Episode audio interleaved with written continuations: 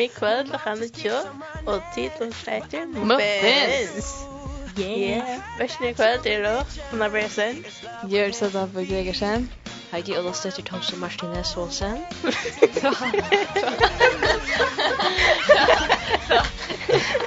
Og tekniker. Dan. Jo. Dan Johansen. Woo! Yes, Okej. er ordentlig fresh med den och att det Ja, och okay. det kommer så att det är smsa in av 2 och 3 och 4 och 4 det går nå, ja. Jeg synes det bare ikke eller tanker, rydde stanker, ikke vers, eller opper. Tve og tru, ikke rydde skjer og fyr. Og ja, derfor er bare tås og synder. Bare leser bøtene og tås og synder om Jesus. Presser vi börja vid en sanje. Ja, ett. Kom igen, Heidi. We can't remember to learn bagel.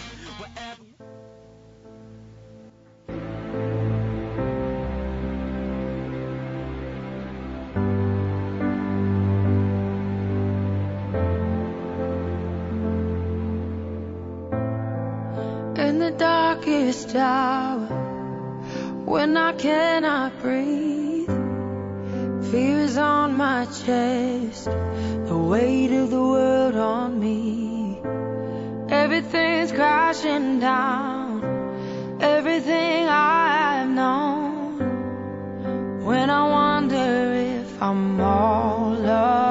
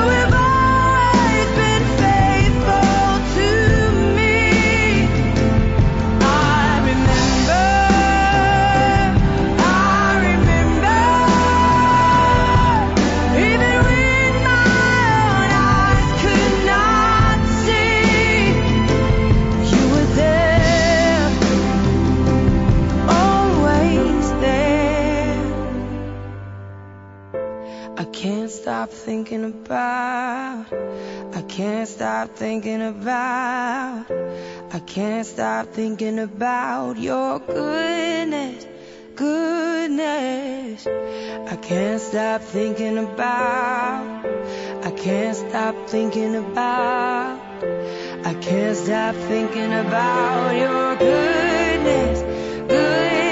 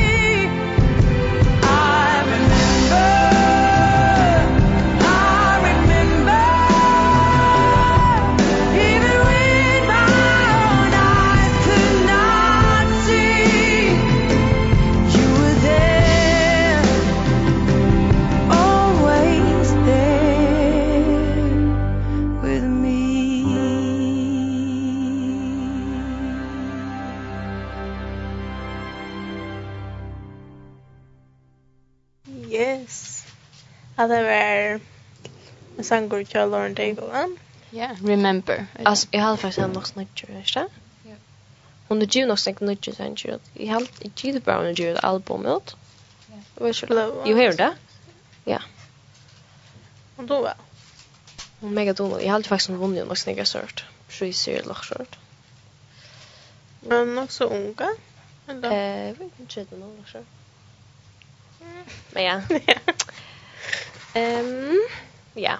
Ehm jag vill säga bara jag vill säga faktiskt att läsa en kapitel upp för dig nu som någon. Eh då har man också väl för dina. Ehm ja, jag blir bara till sommar 6 alltså. Det är en sån går ehm det är en sån sån kurs som en sån kurs som David skriver sommar 6 alltså. Vem er nøye og god til menneske ligger med et løgn samt og jamt trondja at hår med vi struje. Og etter oss vi nekka som David har ofta prøva til at ta i Saul var etter honom, så ta var liksom Saul la han et løgn Eh, han ville drepa han. Faktisk så han var ødensjukren av. Um, samt og jamt ligger at hår med et løgn tar i elda mig, jag människor är tar som i hugg med och strya med dem här. Men tar i rassla för att med mig, lojt jag till. Ugs bara, han kan se att det är, men tar i rassla för att av mig, lojt jag till. Hugs där, hon ligger ett lövn där och så sitter det bara, men god, jag stål ju på det. Jag tycker inte nek som kan se det. Vi hjälp god ska det prysa år i hans herra, a god lojt jag är öktest inte. Hva skal holde for Josh med? Cool er man sånn jeg går av litt. At det er vi at um, eller ja, att man har liksom att han inte bänken. Jag vill bo på och ta så att det att också det liksom att om man om man är en person som är mega nek bänken så lever man ett liv som om att god att liksom att det to som hällde dig uppe eller så det te to liksom att det to som ska att du stolar på det själva eller så. Och det är ju det du ska du ska liksom stola på god. Och tog ju pjös i själva bänken. Det är liksom det är kvar god där. Um, Allan dagen ger jag tar mig bors, løyve bokst, allar hoksaner torra ur väntar mot mer til ta illa. Tar täcka seg saman, tar lura, tar ha eini efter mer, hos er stoje, tar tar lycka mer till löven Skulle tar sleppa undan vi ötla önskapet till någon, när slå folkaslöjne nyr ur vröje god. Skilva hans, pansinger, jag ska, år Ehm, um, Og så ständer sig ett mega gott vers. Du har talt hur som mängan jag har flytt. Liksom du har talt hur som jag ofta jag gråt. Jag har aldrig flytt mest gråt. Tar mine er gömt i kynsetje tøynom, standa det ikke i bøktøyne. Det er godt. Jeg leser en bøkene for denne her, så Aksum jeg omsetter bare aksom at har du omgå haft et forelder som hever torska vekt under tar, huksa at du god hever eh, han har skriva allt under tar nyer. Det var väldigt bara gott. I since you never had a parent who wiped away your tears. Think again, God has noted each one. Så skulle du fortsätta med en vujtja tan tant det i ropet, ta vojte, att god är vi med. Med hjälp skal ska du prisa år i hans ära. Med hjälp skal ska du prisa år i hans ära. I lyd jag god i öttest icke, kväcka människor gärna mer. Att det där är god, kväcka människor gärna mer. Og mer kvila lyfte til tuin god, jeg skal gjalda til vi takk offrenom. Tui to hever fria samuina fra deianon, jeg føtter mine, føtter mine fra fatle, så jeg kan genga for asjan gods og jose torra som liv. Han jeg relja, vekkost vers. Ja, han tar det. Um, og, ja. Ja, altså jeg er også øsne, jeg hadde alltid sånn man er i gøyret, det er så det är där jag sört. Man kan sätta sig in i det där man känner sig efter i det. Man ångte man känner, ångte man gläver. Ångte man ädler, ångte, ja, jag vet inte. Då är det väl att, ja, jag vet inte. Men jag också ösning det så ett pett är en solme. Det är solmer 3 av fjärs. Eh, enten. Fra vers 3 til 28.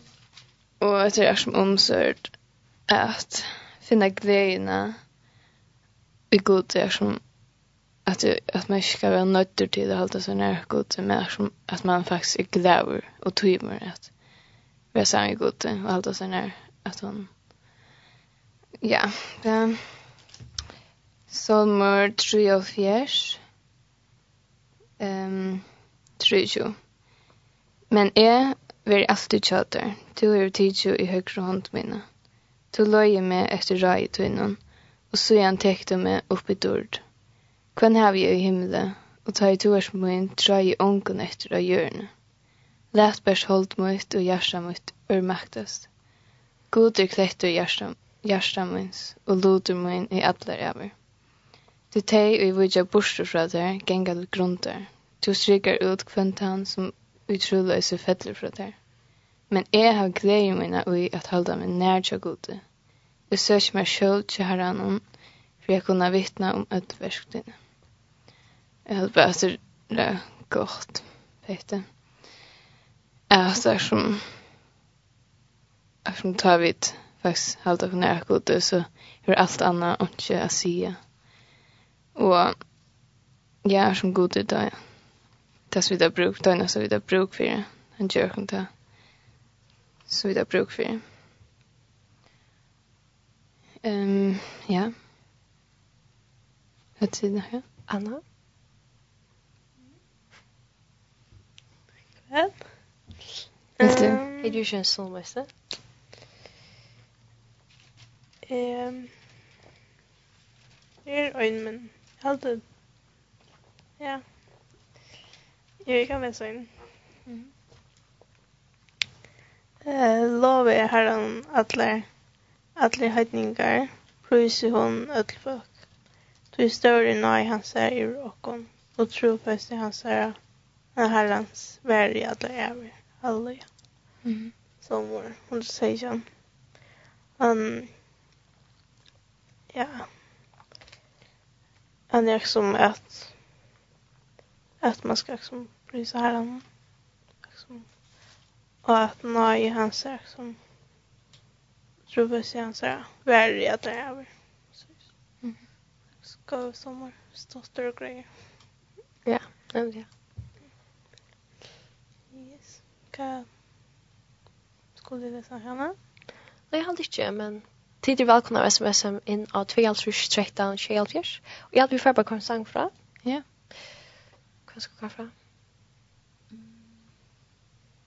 Reckless love.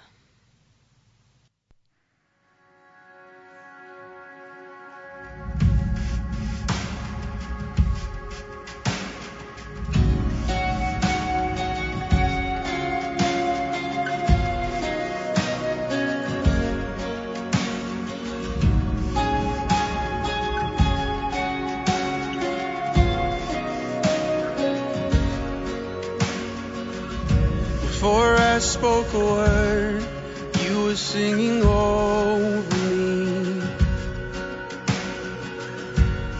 You have been so, so good to me. Before I took a breath You breathed your life in me. have been so so kind to me.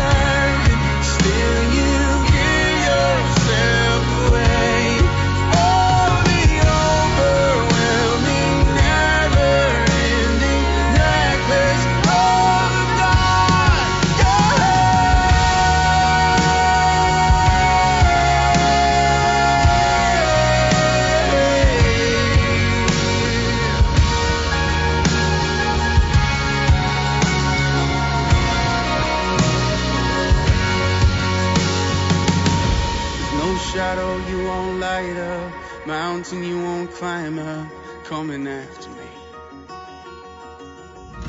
There's no wall you won't kick down lie you won't tear down coming after me. There's no shadow you won't light up mountain you won't climb up coming after me. There's no wall you won't kick down lie you won't tear down coming after me share you won't light up. Now you won't climb.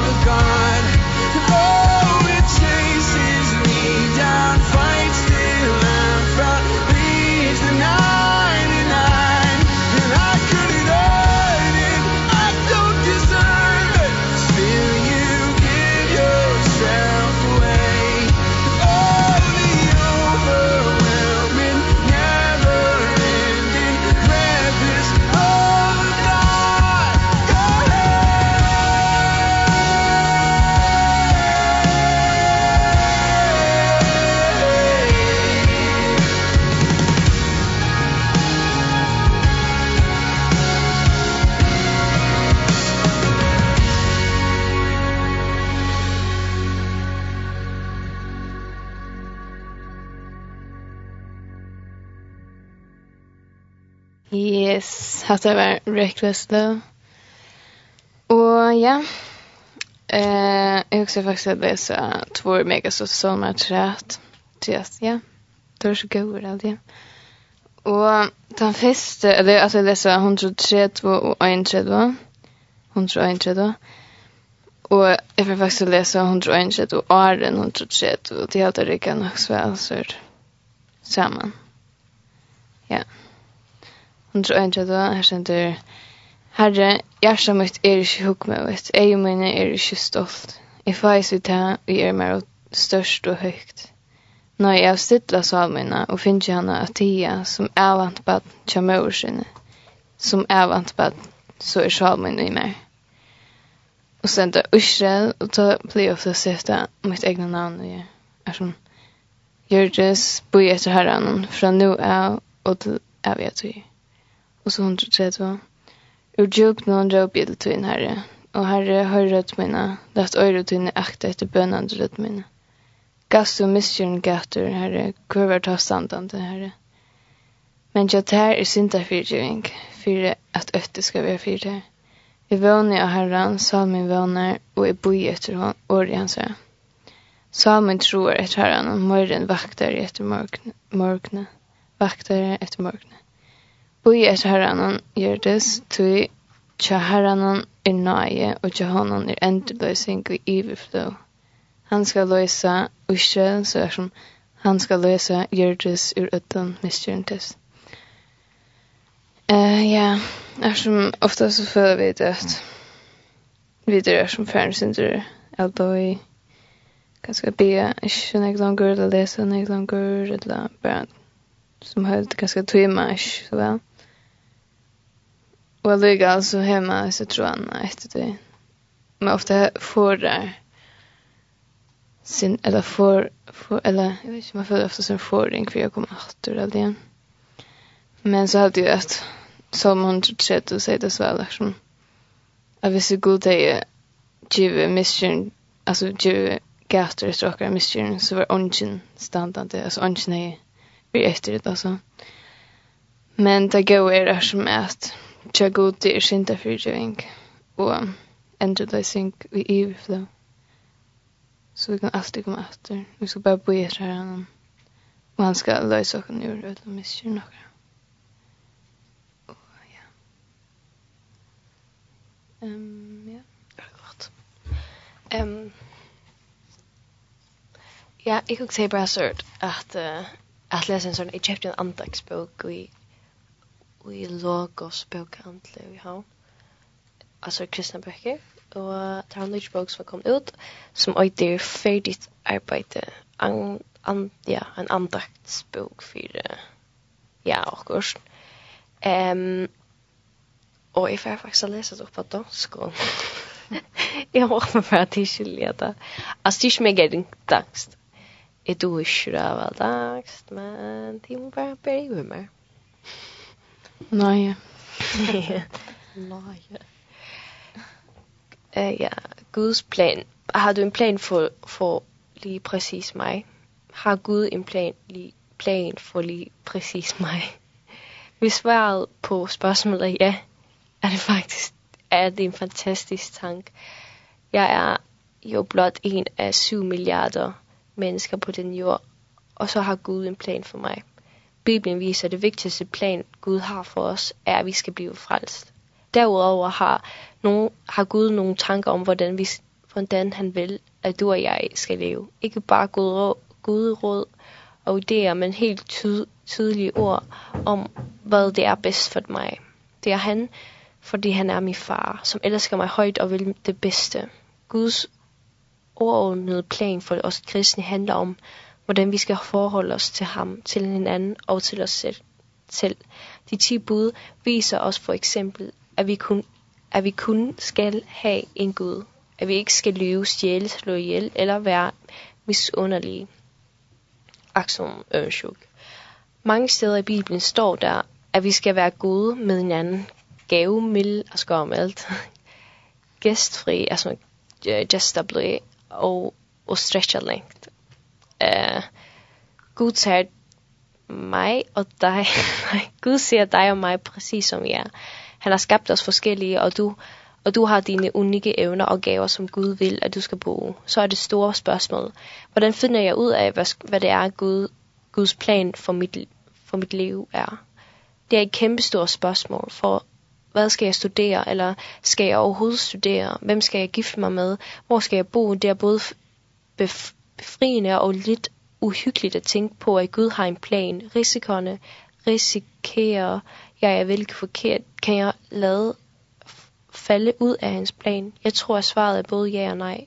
Hvis du bestemmer dig for at leve helt anderledes, end Gud ønsker, og ikke har lyst til at leve ham nær, så tror jeg, at du vælger at gå bort fra Guds vilje. Men hvis du ønsker, at Gud, Gud skal vise, vise dig vej til dit liv og bede ham om, så kan du godt være tryg i, at, at han vil vise dig sin plan skridt for skridt. Guds plan er ikke som en small, stil, smal stil, hvor et enkelt fejltrin eller dårligt valg gør, at du træt, trætter ud af hans plan for altid.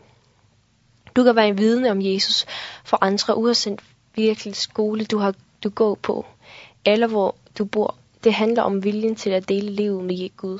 Lad du ham påvirke både dine små og store valg, at det er et god, godt svar på, hvordan Gud viser os sin plan.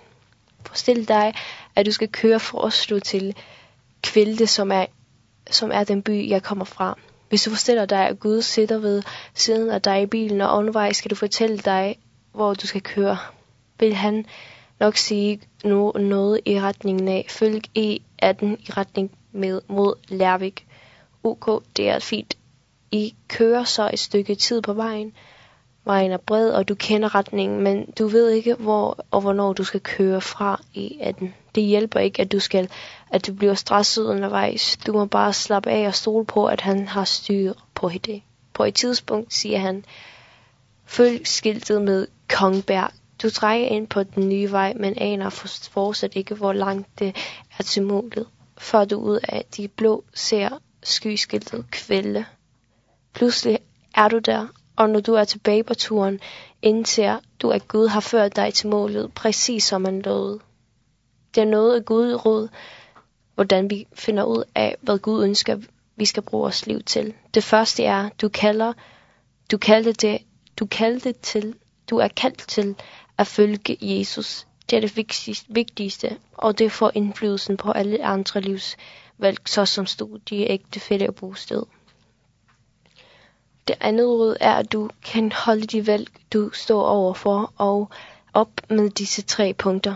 Et visse ting står helt konkret i Bibelen. Læs og se, om Gud har et tydeligt svar. Nogle ting, vi får fået konkrete rammer for. Andre ting må vi afgøre på en anden måde.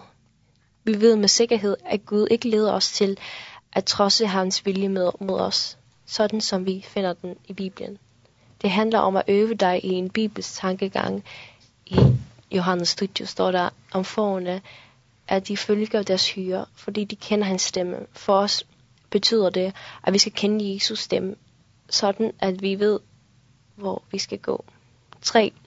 Nogle ting finder vi tydelige, ty ikke tydelige svar på, da vi gør følgende. Læs i Bibelen, bed over det, tale med andre mere erfarne kristne for at få god råd rød, og til sidst træffe et valg og stå, og stå ved det.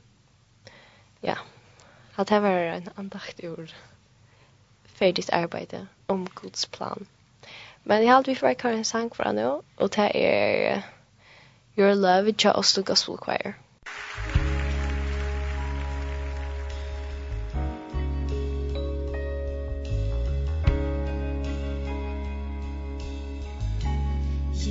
examined my heart and Lord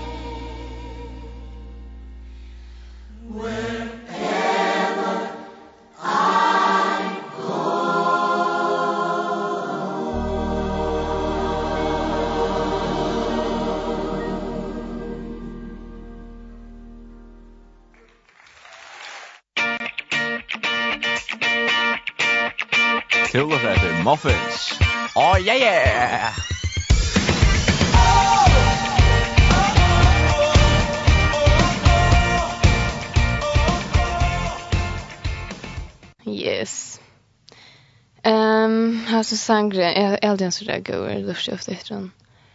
Ehm och det som jag också mest så mer som det ser jag som ligger mycket alltså ligger mycket kvar i färra så går inte för undan god godhet alltså så eller undan hans kärlek faktiskt. Och ja eh tror inte stær vi kunde som gå i for god tid. Og vi går för alla stönne med för Astia vi där. Och att hitta eller att hålla maken och være kan til videre hans rabbeten och jag hade har sangren rigga nok så vi Psalm 139 Jeg får ikke lese atlan, men bare några vers. Herre, du rannsakar mig och kjenner mig. Du vars när jag sitter och när jag stande. Du kyler hoksa mina länkar meg. Du er jo grøy av hver gengje etla litje, og atler vei mine er kjent og gjøtta. er den året er til at hun kom inne, ja, ta det til fullnar herre. Aftanfra og framanfra heldur du tvers om meg, og du legger håndtina av meg. Jeg skiljer etter er mer og underfullt, det er og høgt og er det ikke mentur. Og så er det etter som minnes nok om, hver skal jeg fære undan andatinen, og hver skal jeg flytja undan asjantinnet, Färg upp til himmel så er du her. Og røyer mer det og i deg er rysen. Ja, så er du her. Tætje er vunger morgon, ruans og festi festi i bygg tja itsa marsk havsens. Så løyer hånd til meg her vi, høyre hånd til heldur fast, heldur mer festum. Og um, det er faktisk en sangur som er skriver etter sangen, nei, etter solmen, og han har ju drömt universitetet og ja, han skriver ut förresten ner så där ligger jag också alltid. Så jag heldig for å lusha till honom.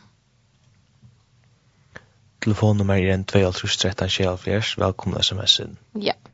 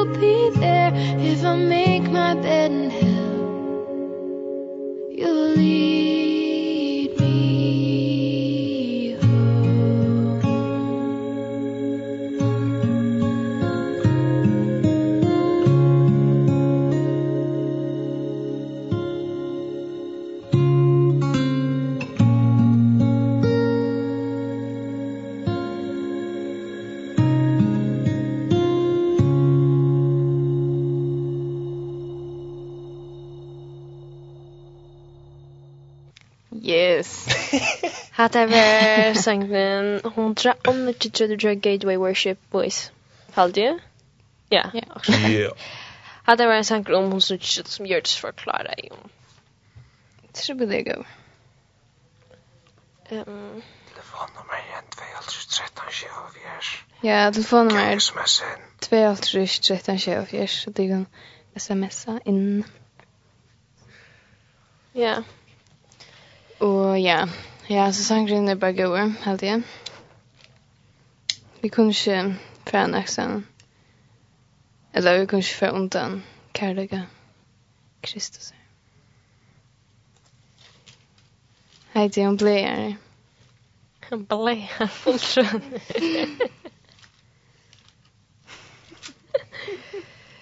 Ja. Åja, oh, varska. Jeg har faktisk noen år om mild lika. Jag har ju såna, jag ser vad så tampid eh så bara så lite andakt hej in i den. Og det er en av, jeg leser ur en bok som heter Fralse. Eh og det var en kapitler her, det var om avväxtandans. Ehm og jeg halte en fördjukning öll eh avväxtandans. Og det er, det ständer i Galaterbrand 5 ehm vers 22. um, eller om det er mildløyga, men sindur, men avgjør andans er kærløyge, glede, frier, lengmå, mildløyge, gøske, trofest. Og så sender du trygjende verset, spek for for fra halt mot slykon er loven ikke. Ja. um, ja, hade ja.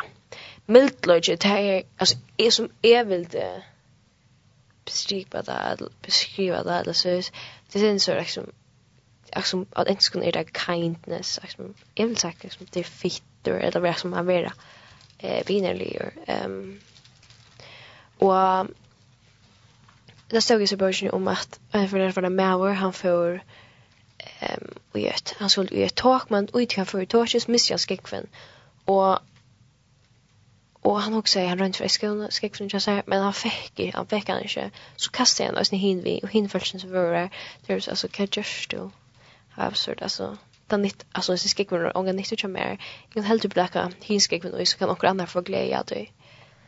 och det är det ja eller jag går här ehm och så var det också nere för en flåtetna. eh där också flåvar var sinka och hörst Ehm och så hänger den där flåtätnan eh hon är det onkel Mauer som en bor han var liksom blir nog så fotler halde jag la hörs eller finns det nästa snäck var inne i rum och ehm och det var så flott och han var ordla svack eller vad det och fölkade gör och ikve ser modren och så men han blev ju extra mer fikt modren och det var aldrig alltså sett med och ikle det där och så bara wow han där kollar där så för han är sötna så får han evig kon och sporde alltså kvackas och för mig som tog är på för det att mycket skriva hur så gå särskilt i haver så säger han hon säger han är på för Kristus.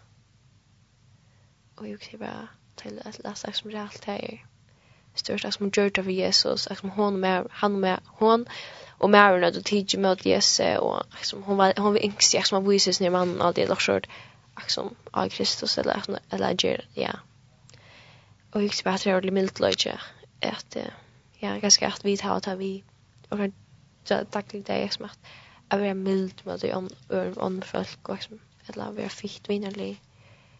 Um, ja. Ja, faktisk. Ja, faktisk. Eh, kærløyde og mildt løyde, alt på en måte at det. Det er helt i hånda. Mm. Eller hvis man hevna, hvis man hever, alltså med fullkomna vi till frågan att jag har fullkomna kärlek men liksom hvis vi hvis jag har en fullkomna kärlek att göra det så liksom fullt för liksom eh alltså allt det där. Ja ja ja också där liksom så är jag så är jag som ordla ja. Är så så nytt både det kan att du ska älska gå sen och så älska dig. ja. Och så gör det så är det som det nog för visa urna Jesus. Det är liksom att man får för låna, men vi får det klara det, men liksom, man kan röna det, så att Ja. Hej du en sang, Katie? Alltså, jag syns inte. Jag har börjat. Hej du en sang?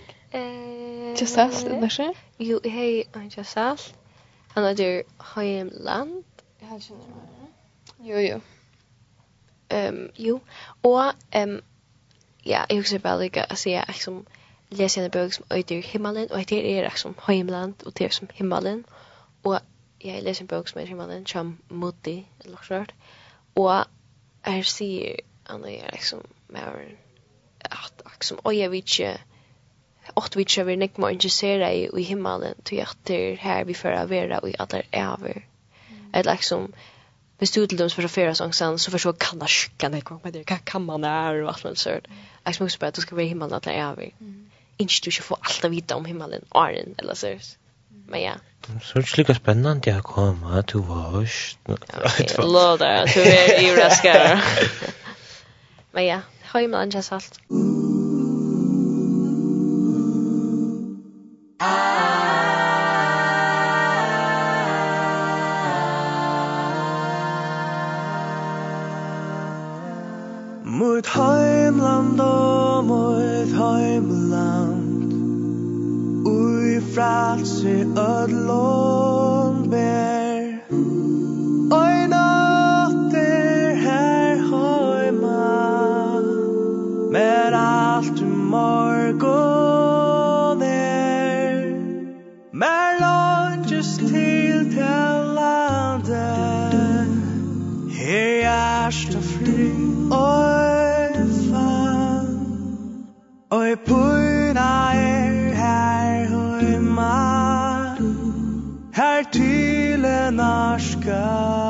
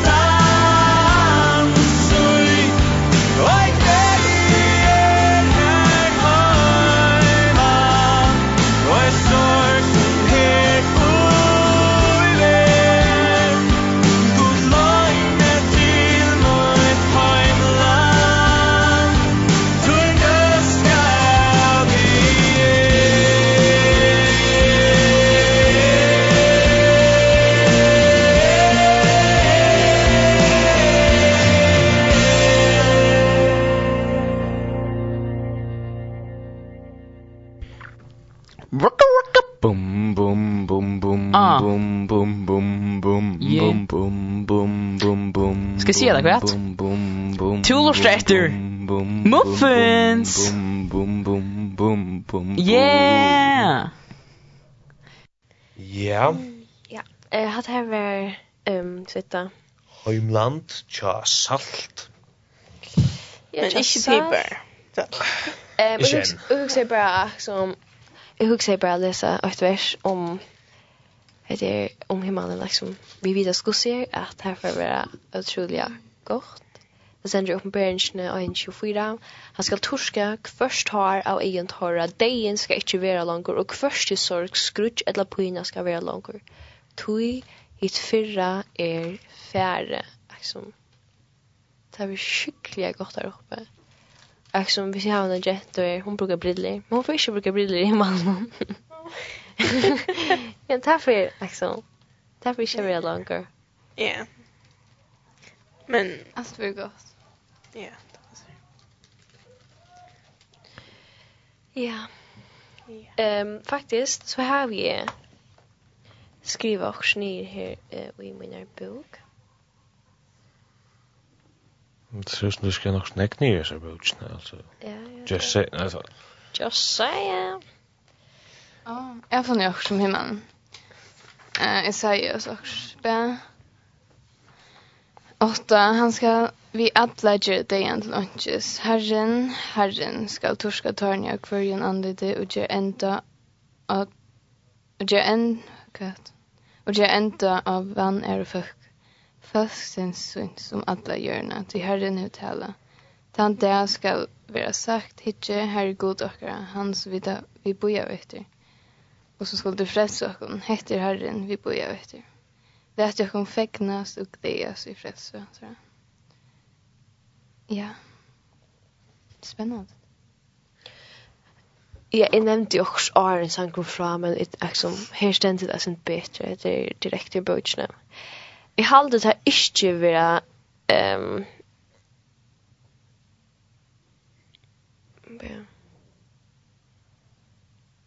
Ja, Jeg held det ikke være skøft av okken at huksa og tala om himmelen. Men da var vel å huksa om henta sted og få å vite om han alt jeg kan. Så jeg vet mer at bygge her alle er av. Det er det, ja. Faktisk, jeg vet ikke hvor man ikke huksa sånn om himmelen. Man hukser ofta, man hukser bare ofta om heimen. Her for det er vi. Men jeg vet ikke, jeg vet ikke hvor. Ja, himmelen er som vi också har sett. Hva sier man? Ja, altså, hette er faktisk ikke åkere høym, er himmelen er åkere høym. Mm. Eller vi tar jo ikke høymer. Det er glede åkere, så det. Ja. Da er vi åkere surt. Mhm. Hva sier man? Vøvn, eller hva Ja, vøvn, ja. Jeg leser som børsen her senter, hette løyve, og i halda ver er himmelen, himmelsøyn, er heim sindarinnar, bostavur sorgarinnar, og stær som åndsje, och gör att mäta att mätta salen av vi. Att som höjmeren, han är att det vanligaste och himmelen bara det bästa. Ja. Men ja, i halv vi får bara att uh, hade dina handen på hjärsta. Nej. Det här var 6 minutter sms-en, hvis vi får 8 sms, så släppa Heidi og Hjørtis og Sintja Sol, og så skulle det kunna sms-en. Ja. Nå, jeg har jo åkt vers, og jeg vil fære at en sang som stendur i 1. Korint 13, 13. Men nu vil hese verande, trygg vevn og kærløg. Hese tru, men støster av tøymon er kærløg.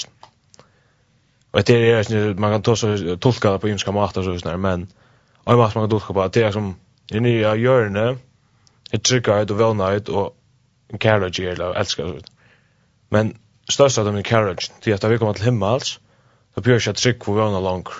Mm. Til at det er vid himmelen, her som det som vi har vana å komme til, og vi har tro på, da kommer jeg bare at elska.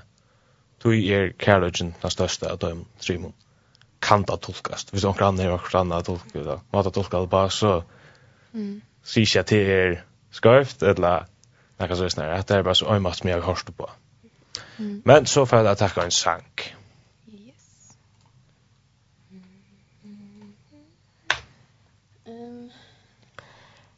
Taka you say, ja, learn they go. Oh yeah.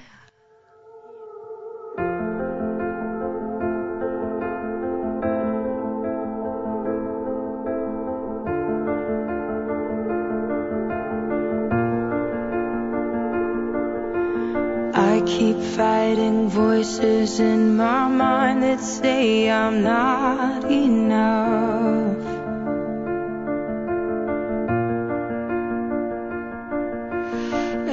every single lie that tells me I will never measure up.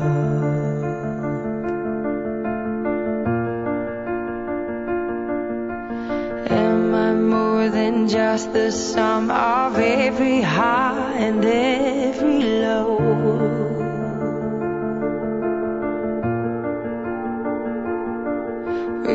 remind me once again just who I am because I need to know.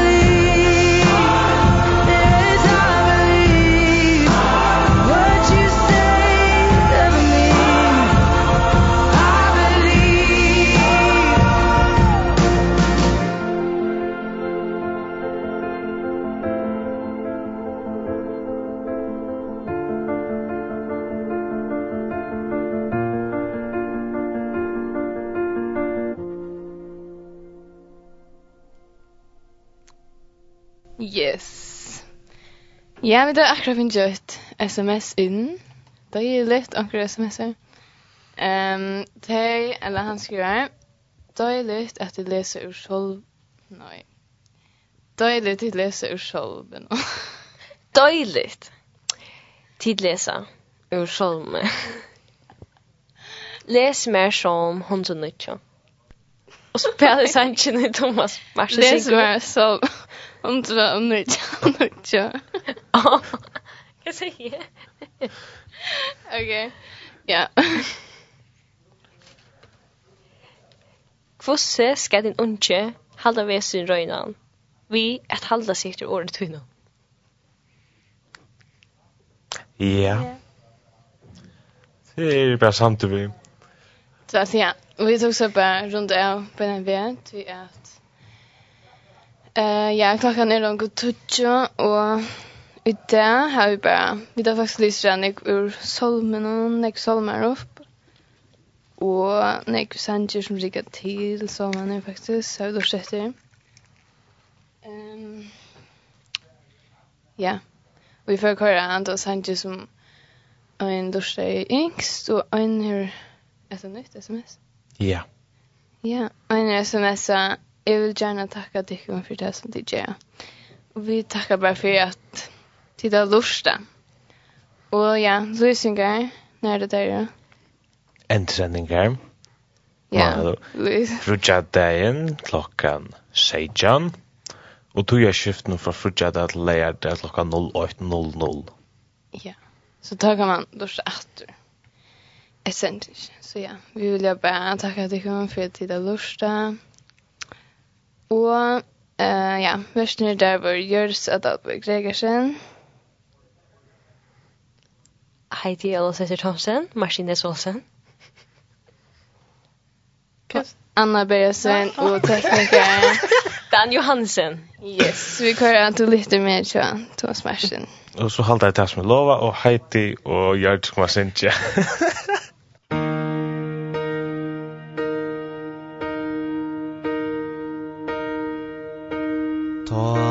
er svårt i sorg og sal og sinne. Mer komst du i møt og hjärsta byrra ber Ta bie e om fri og kvill og vene Så du kan si